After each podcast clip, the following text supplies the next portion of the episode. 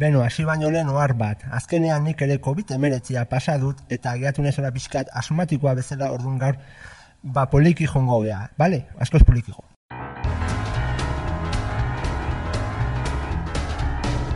Ni kupela klaunaiz eta kupela inbasioa entzuten ere zala ikusesinak erratian. Asteak daramatzate beldurra sartzen gerra atomikoarekin. Egoera honek galdera ezberdinak sortzen dizkit. Gerra nuklearra badago ze eraman behar dut bunkerrera.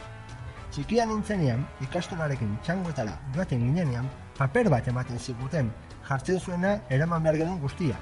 Berokiak, marruko ropa, galtzak, kamisetak eta abar luze bat. Baina gerra atomikoarekin, euskalo. Ez dakigu zenba denbora egon beharko garen bunkerrean sartuta. Janari eman behar dugu, bokadillo bat, bi, hiru, zenbat. Eta nun ditugu bunkerrak pasaidon ibanen? Eta zenbat pertsonentzako dago lekua barruan? Nun apuntatu behar gara lehenago? Edo bombak erortzen hasten direnean korrika guazetak itxo? Dirua kobratuko digute barruan jartzartzeagatik? Ukrainarrei gerra hasi baino lehen plano bat eman zieten, esaltzen nora joan behar zuten eta lako gauza. Baina guri ez digute ez ere esan. Gainera, guk ez dugu metrorik pasaian. Beroki eman behar dugu, edo lur azpian bero asko egingo du eta soberan izango dugu. Internet izango dugu, zuntzaren kablea sartuta izango dute lur azpian. Gerra atomikoan futbol liga geratuko da. Gure etxeak desagertuaren hipoteka ordaintzen jarraitu beharko dugu. Nork emango die janaria nire koloretako arraiei, etxean ez banago. Eta geranioak nork urestatuko dizkit. Nire amatxorekin telefonoz hitz egiteko aukera izango dut, eta nun kargatuko dut telefonoaren bateria. Bunker barruan katutxoen bideo maiteagiak ikusten jarraitzeko aukera izango dugu, eta bunker, bunker barruan egongo alda norbait zarate egiten taladroarekin. Zergati dago beti norbait zarate egiten taladroarekin. Galdera guzti hauei erantzun positibo bat ematen jakingo dugu, Euskalo.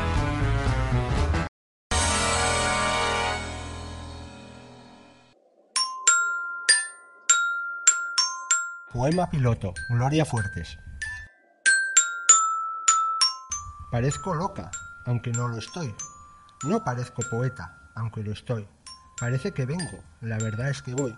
Me duele, no estoy buena, solo lo soy.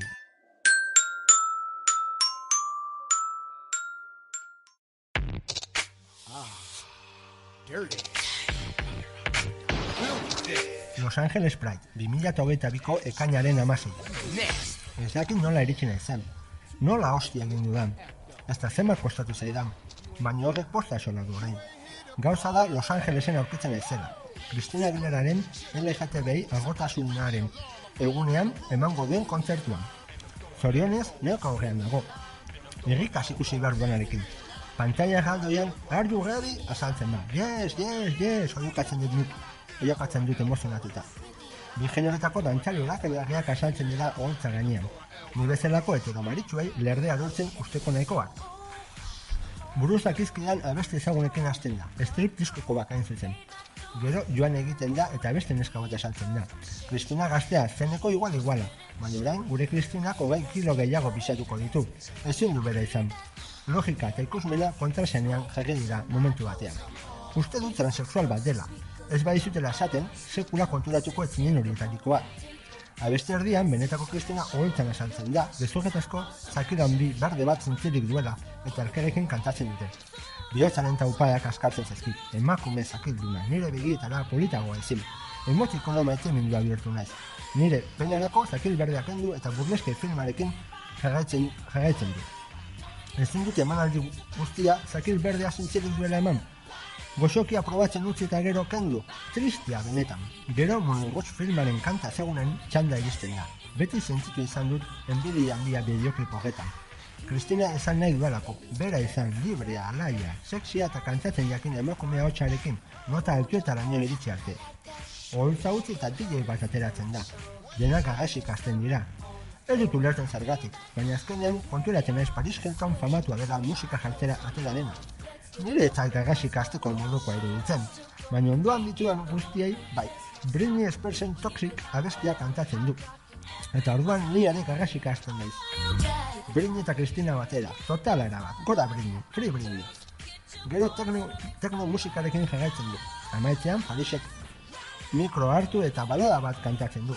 Emakomi hori barbi panpinaren iguala da. Poziko gaztuko nuke hilo luze hori ea zorriak dituen. Bere pelukerua izango nintzatike. Bakoitzak bere artizioak ditu. Ez epaitu ditu. Zalantzan dago ea playback, playback egiten ari den. Kristina berriro goltan azaldu eta Pitbull abestilariarekin batera kantatu zen Alfie This Moment kantatzen telkerekin. Erotzen dago, zea ondo, kanta, kanta maitzean Paris badoa. Agopa saldazen da berriro, orain soñako urdin polit bat du soñean. Beno, soberan dago esatea, baino argi dago nire begietara Kristina beti dagoela polita. Dantza batido bat entzuten da eta pentsatzen dut momentu batez.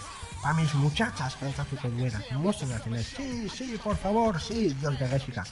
Abestiratzen bat bere lekua behar dute be, ere. Ez, segituen aldatzen du registroa. Pena, bizitzan dena zin da. Gezugetazko bular handi batzuk saltzen ditut ezagutzen ez dudan abesti batekin jarraitzeko. Esageratua erabat. Behi bat dirudi.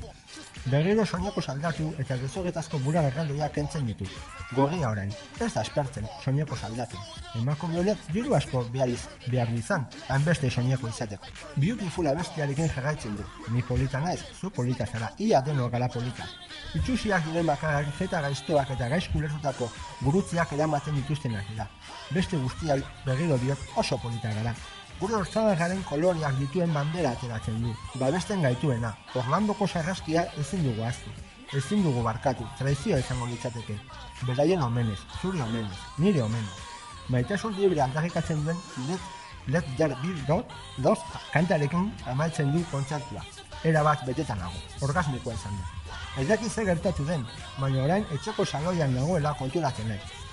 Zukaldera noa eta botiken kasan begiratzen dut ikusten dut pentsatzen nuena. Horangoan ere, goizero hartu behar dituan botikak gaur ere ez ditu dala hartu. Astu egin zaidala, eta benetan YouTubeen ikusi dudala emanaldia etxetik atera gabe. Batzuetan gauza ikastea txarra ez da. Denei gomendatzen dizuet puntu baterainoko aluzinazioak izatea. Muso handi bat denoi, polita zuek, politanik.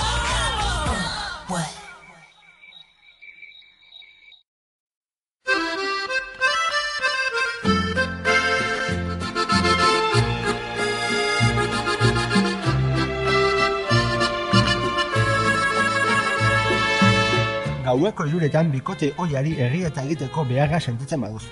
Ongi ez dago, baina gure buruarekin malguak izan behar gara ez badugu eroitxan bukatu nahi. Batzuetan mina ematen digute, mina handia. Maitasun kontuetan ari naiz, nos, kontuetaz ari naiz, noski. Gerta daiteke ez jakitea oso ongi zer esan ez garelako poeta fina, edo etortzen zaizkigun hitz bakarrak irain itxusiak izatean. Hori gertatzen zaigunean, bi abesti ditugu erabat aproposak bestearen erantzun gailuan usteko grabatuta. Praktika hauek ez bai ditugu martxan jartzen, gerta daiteke, mina gure bihotz baguan pozoi bihurtzea, eta etorkizunean maitasun kontuetarako ez gain bihurtzea gu. Eta hori merezi ez dugun pena bat izango litzateke. Gomendatzen dizkizuedan bi abestiak bi dira, Rocío Juradoren Ese Hombre eta Paquita la del Barrioren Rata de dos Patas. Hasi gaitezen nire bihotzean oraindik bizirik dagoen txipionako abeslariarekin, Rocío Juradorekin. Abestiak alako esaldi politak oparitzen dizkio bikote jari. Ese hombre que ves ahí, que parece tan galante, tan atento y arrogante, solo sabe hacer su sufrir.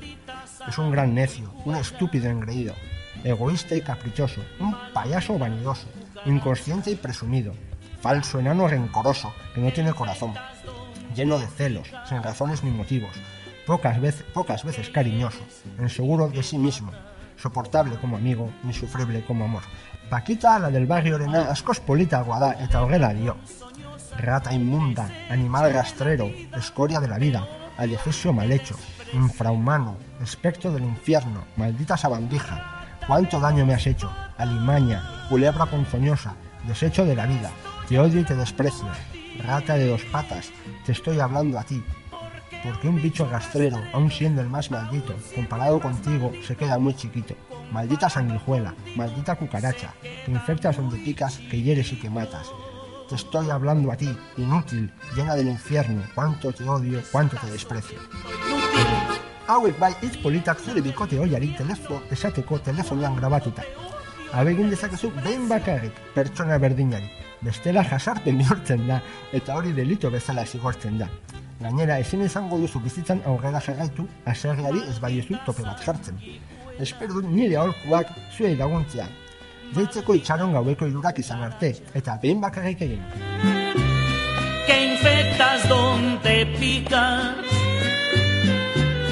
que hieres y que matas. Alimaña, culebra ponzoñosa, desecho de la vida, te odio y te desprecio.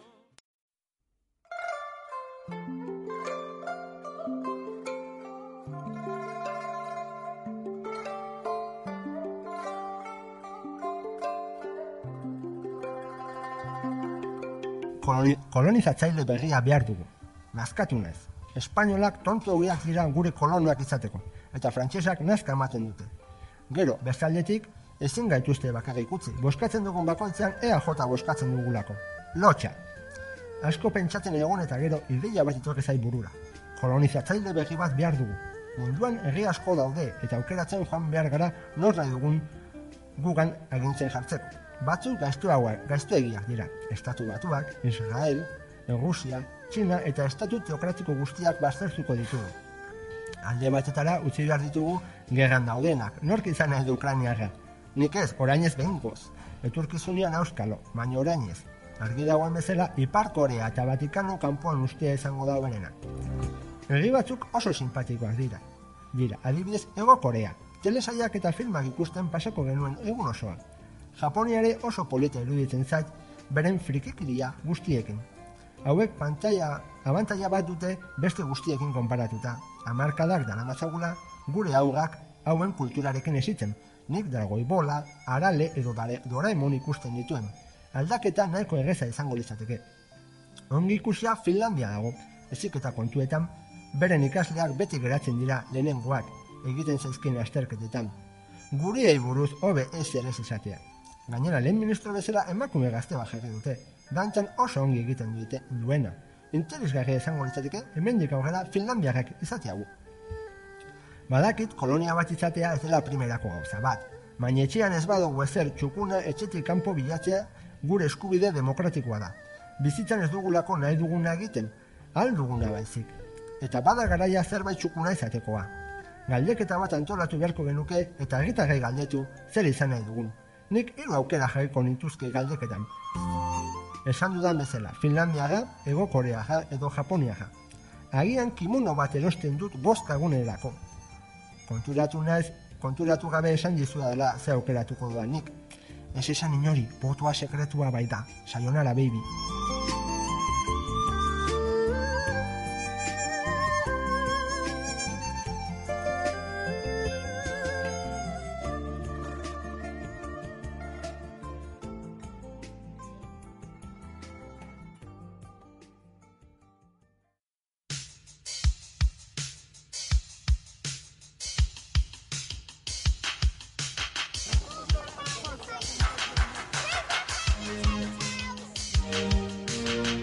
Letxugak irabazi du. Txiste bat zen, ez zuen benetan gertatu behar, baina azkenean letxuga apal eta xumeak irabazi du. Erresuma batuan gertatu da. Ironian biz jarri zuten kamara bat, listras lehen ministroaren argazkiari begira, eta beste bat letxuga, ap- letxuga bat peluka hori batekin eta erribarrea magazturik aurrez aurre. Galdera zen ea nor ustelduko zen lehenago. Eta bi egun iraundu bakarrik emakume horrek honek lehen ministro, baina deno gogoratuko dugu letxuga baten aurka egonka galdu zuen emakumea bezala. Historiara pasa dela esan genezake, baina ez berak uste zuen eraz, e- emakumea zari naiz, e- ez letxugaz. Edo benetan historiara pasa dena letxuga izan da. Dagoeneko janda egongo, egongo da. Argi dagoen eran berriro ere letxuga zari naiz. Ez dut uste politikaria metaforak alde batetara utzita jan egin dutenik. Lekuz kanpo egongo zen dieta kanibal batean. Beno, egia esateko ez dute, ez dute bere berri gehiago eman, baina suposatzen dugu ez dutela politikaria jan. Carlos Hirugarrenaren aro berri honetan, denbora guztian alako gauza erraroak gertatzen badira, ez gara aztertuko. Orain lehen ministro berria dute, eta eta ipatere justo iruditzen. Norbaitek lehen ministro izateko merituak egin baditu, naiz eta oso erraroa izan, hori letxuga izan da. Nik barazkia jarriko nuke agintzen. Ez dute inora proposagorik aurkituko. Oso argi, utzi dute meritokrazia batean biziko bagina, non gehien merezi duena ateratzen duen etekin nagusia, ez genuke inungo zalantzarik izango lorden pertsona edo barazkia proposena agintzen jartzeko. Baina azkenean merezi duen bat jarri dute eta hori ez da baten justu izan. Ezin dugu justu ez demokrazia batean sinistu. Zer egin dute azkenean letxugarekin, traidore eskel txarreko hau.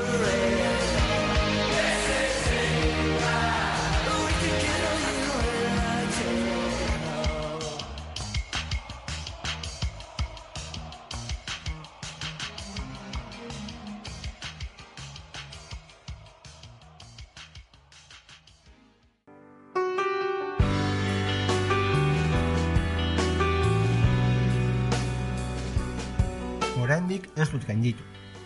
Urte bat pasa da, denbora nahiko, nahikoa ga- gainditua izateko.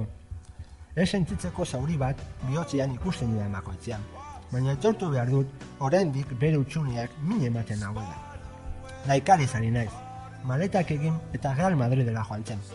Urte honetan bigarren geratu ginen eta Europara salkatu. Sekula egin ez genuela. Emaitzak onak izan dira, ezin daukatu. Ahaztuta behar nuen, gainera ez da titular jolasten, aurkidan dute astebururo. Horrek min handia ematen dit. Ezertarako joan izan da, gurekin asko sobeto gauro zinateke. Agian maitali hoi baten sindromea dut, eta laguntza profesionala eskatu beharko nuke. Bengo sentimendu hauek atzean usteko. Asteburu honetan bi futbol partidu ikusi nituen. Erreala Sporting de Buenoaren aurka, 0 eta irabazi genuena, eta Levante Real Madrilen aurka, bina berdindu zutena. Madrildarren bigarren gola nahikalik sartu zuen, eta izugarri alaitu nintzen beregatik. Aitortu beharrean dago, baina mina ematen dit. Zuri urdina ez den kamisetarekin jolasten ikustia. Jokalari onak ditugu. Agian etzen ez genuen ez da beharko, baina zen nahi duzu esatea. Nik nahikari oraindik bihotzean dara mat.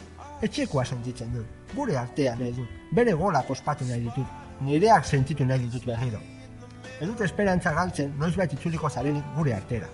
Zaletu honen bihotzean beti izango dituzu ateak erikita. Gora nahikari, naiz eta guria, ez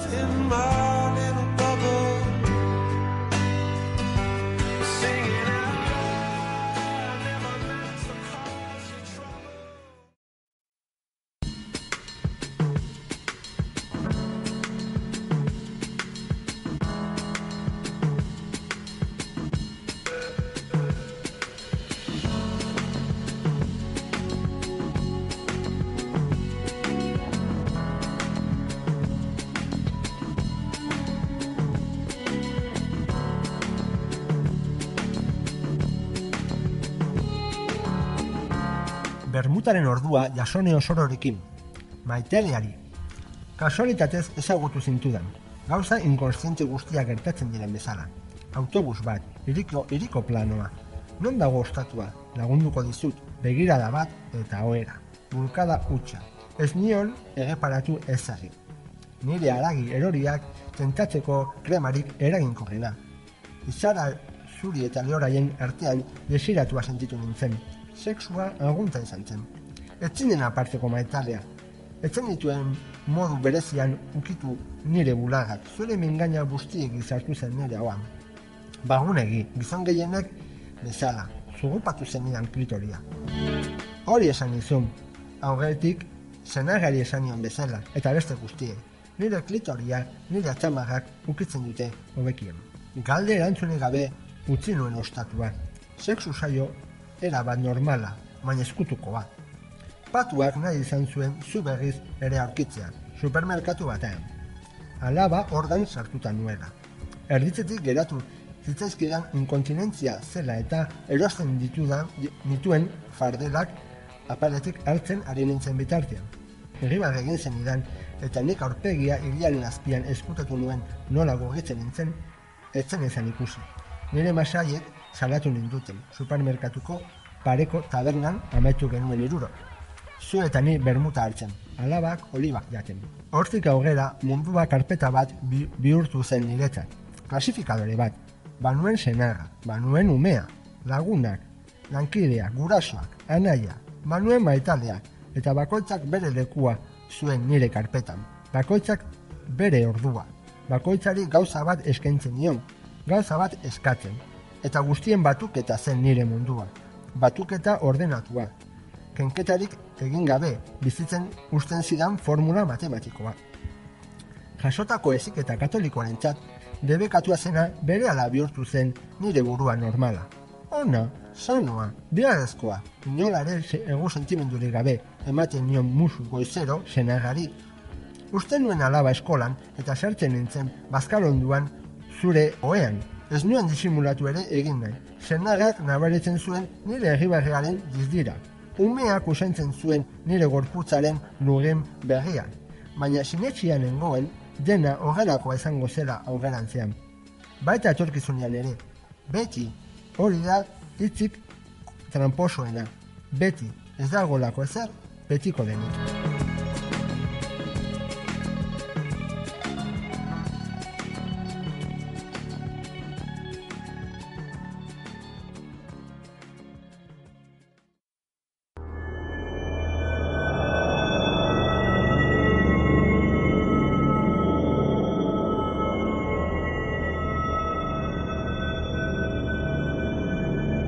Halloween 2022. Argidako zen eran ez dut sekulan emakumez jasteko aukera bagaltzen. Halloween iritsi da eta sorginaz mozorrotzea erabaki dut aurten. Sorgina baina pailasoa, sudur beltz bat jantzita. Amarauna sarea dirudien media batzuk ipini ditut. Media sonian ditudan bakoitzean ispiluan begiratzen naiz ago ikusten dudanarekin. Ze guapo nagoen. Sudur beltzarekin agaro ikusten naiz, baina askar oituko naizera uste dut. Etxea apaindu dut xabu xagez, armi armez, begi odolestatu ez, kalabazez, nos, kalabazez noski, eta oso maiteariak diren kartulin asko mamukate ez. Kapela handi bat ere erosi dut. Kondairak dio, masturbatzen ziren emakumei leporatzen zietela sorginkeria. Nik ere dut, barita magikoa kajoian sartuta. Jolastiko pres, espero dut ez bukatzea ni ere zutan. Sexia sentitzen naizen bakoitzean edo zer egiteko kapa sentitzen naiz. Nuagina agosa bota dut, agosa eta beltza, kombinazio perfektua, nire sorginkeria erotikoan eroriko zara. Kalera atera naiz, truko trato eskentzera guruztatzen naizenekin. Kontuz erantzuntzen didazun, labana handi bat dut eskutatuta. Pailaso hau jolastera atera da, eta ongi pasako du. Agian, zergatuta bukatzen duzu eta nire afaria bihurtzen zara. Nondik hasiko naiz zu jaten.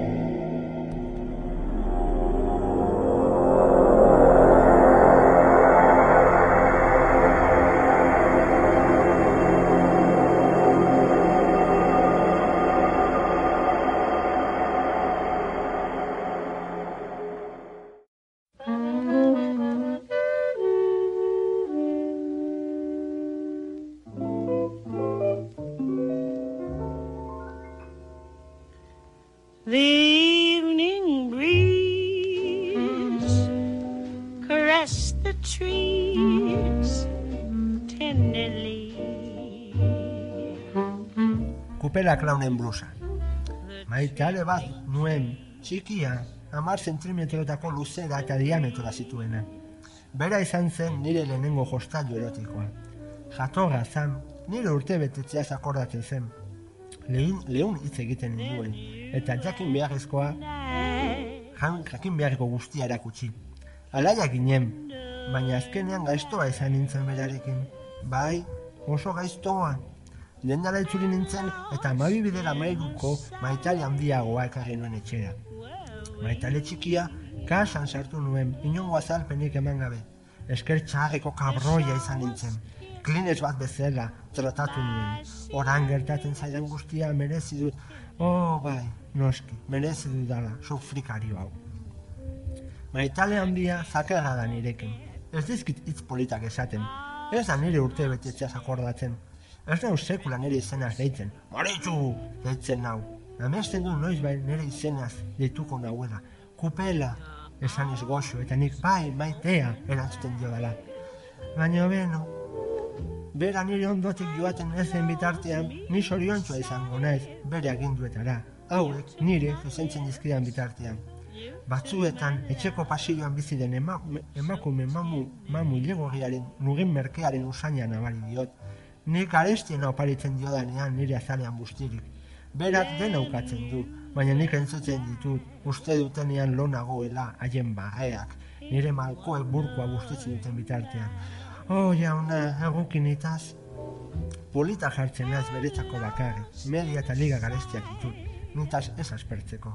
Nire ondotik ez joateko. Berak agazoiren bat izateko beti, bere lastan elektrikoen helburu, nire gorputza izateko. Baina nitaz akordatzen denean, nire baguan dudanean, ez dut beste zer behar, nire jabe bihurtzen da, bihurtzen da, nire jainko, nire gizona, nire zerua. Zu artifizialak ikusten ditut, eta bizitzari zentzua aurkitzen diot. Orain, esker honeko malkoak botatzen, erortzen zaizkit, emozionatuta, bukatu eta gero aurduak pasa ditzaken nabaritzen nire bagoan geratzen duela, nire gorputza dardara batean esartzen duelako. Orduak pasa ditzaket, oean eserita edo etzanda, eta pasa, pentsa dezakedan gauza bakarra da, ea noiz itzuliko den bere geinua aldarrikatuko duen nire rege elektrikoa. Amen. love so tender